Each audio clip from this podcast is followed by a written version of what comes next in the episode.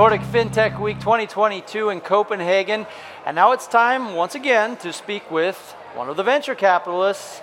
That's you, Pascal. When you walk around a place like this, lots of inspiration, lots of people, lots of ideas. What are you looking for?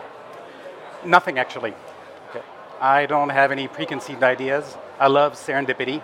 Uh, and uh, I know for having been doing this for like 15 years or so, right, from one conference to another across the world, that the best meetings are just happen by chance.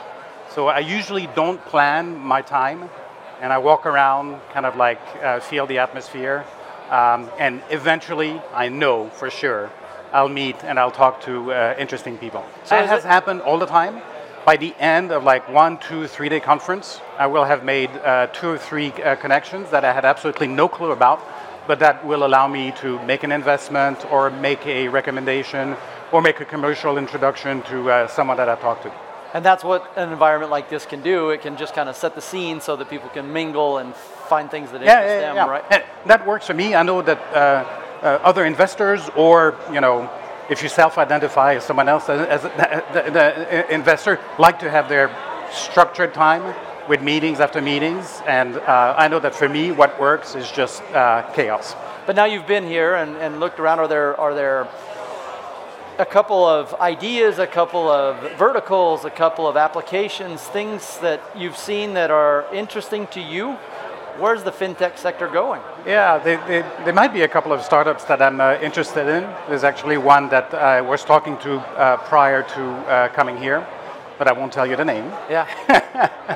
Um, however, what I can uh, uh, tell you and share is uh, what we look at right now with our current fund and what we will with uh, the third fund that we're uh, currently raising, right? So we're very interested in the one uh, instance in smart automation of various processes in financial services with data. So there has to be like an angle with data to come up with um, computation, right, that replaces manual processes.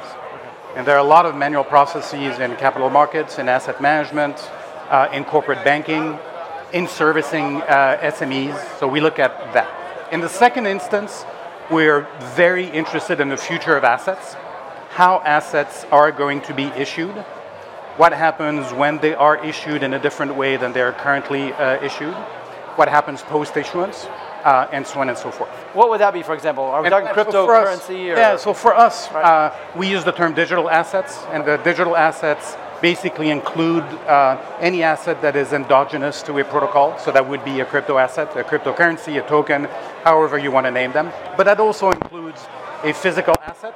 Um, I was walking around and I saw someone presenting, you know, real estate uh, on the blockchain, right? A physical asset that is going to be issued um, on a protocol or in a tokenized uh, uh, version. Or a financial asset that we know, equity, right? Of privately held companies, of uh, publicly traded companies, debt, derivatives, structured uh, instruments. Our belief is that we are going through a natural evolution where these assets will be imbued with a completely different um, set of attributes than they are right now. Right? There's a very famous U.S. Um, VC investor, uh, Marc Andreessen, um, right, who said basically software is eating the world, right?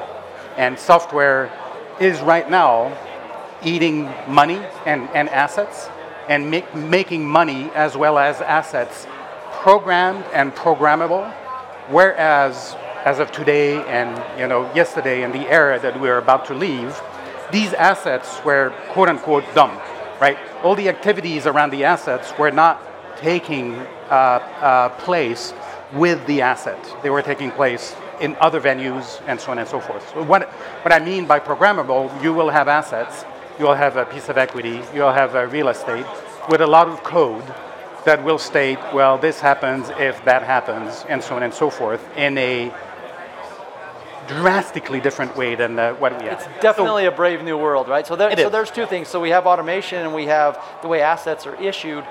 I'm going to put you on the spot and ask you, do you have a three? All good things come in threes. Is there a, is there a third uh, tendency or trend you're seeing Yeah, in fintech so that's interesting to you? It, um, the, it, all things ESG, right? Uh, there are, I mean, I live in the uh, uh, European Union. When I say I live, my fund lives in the European Union.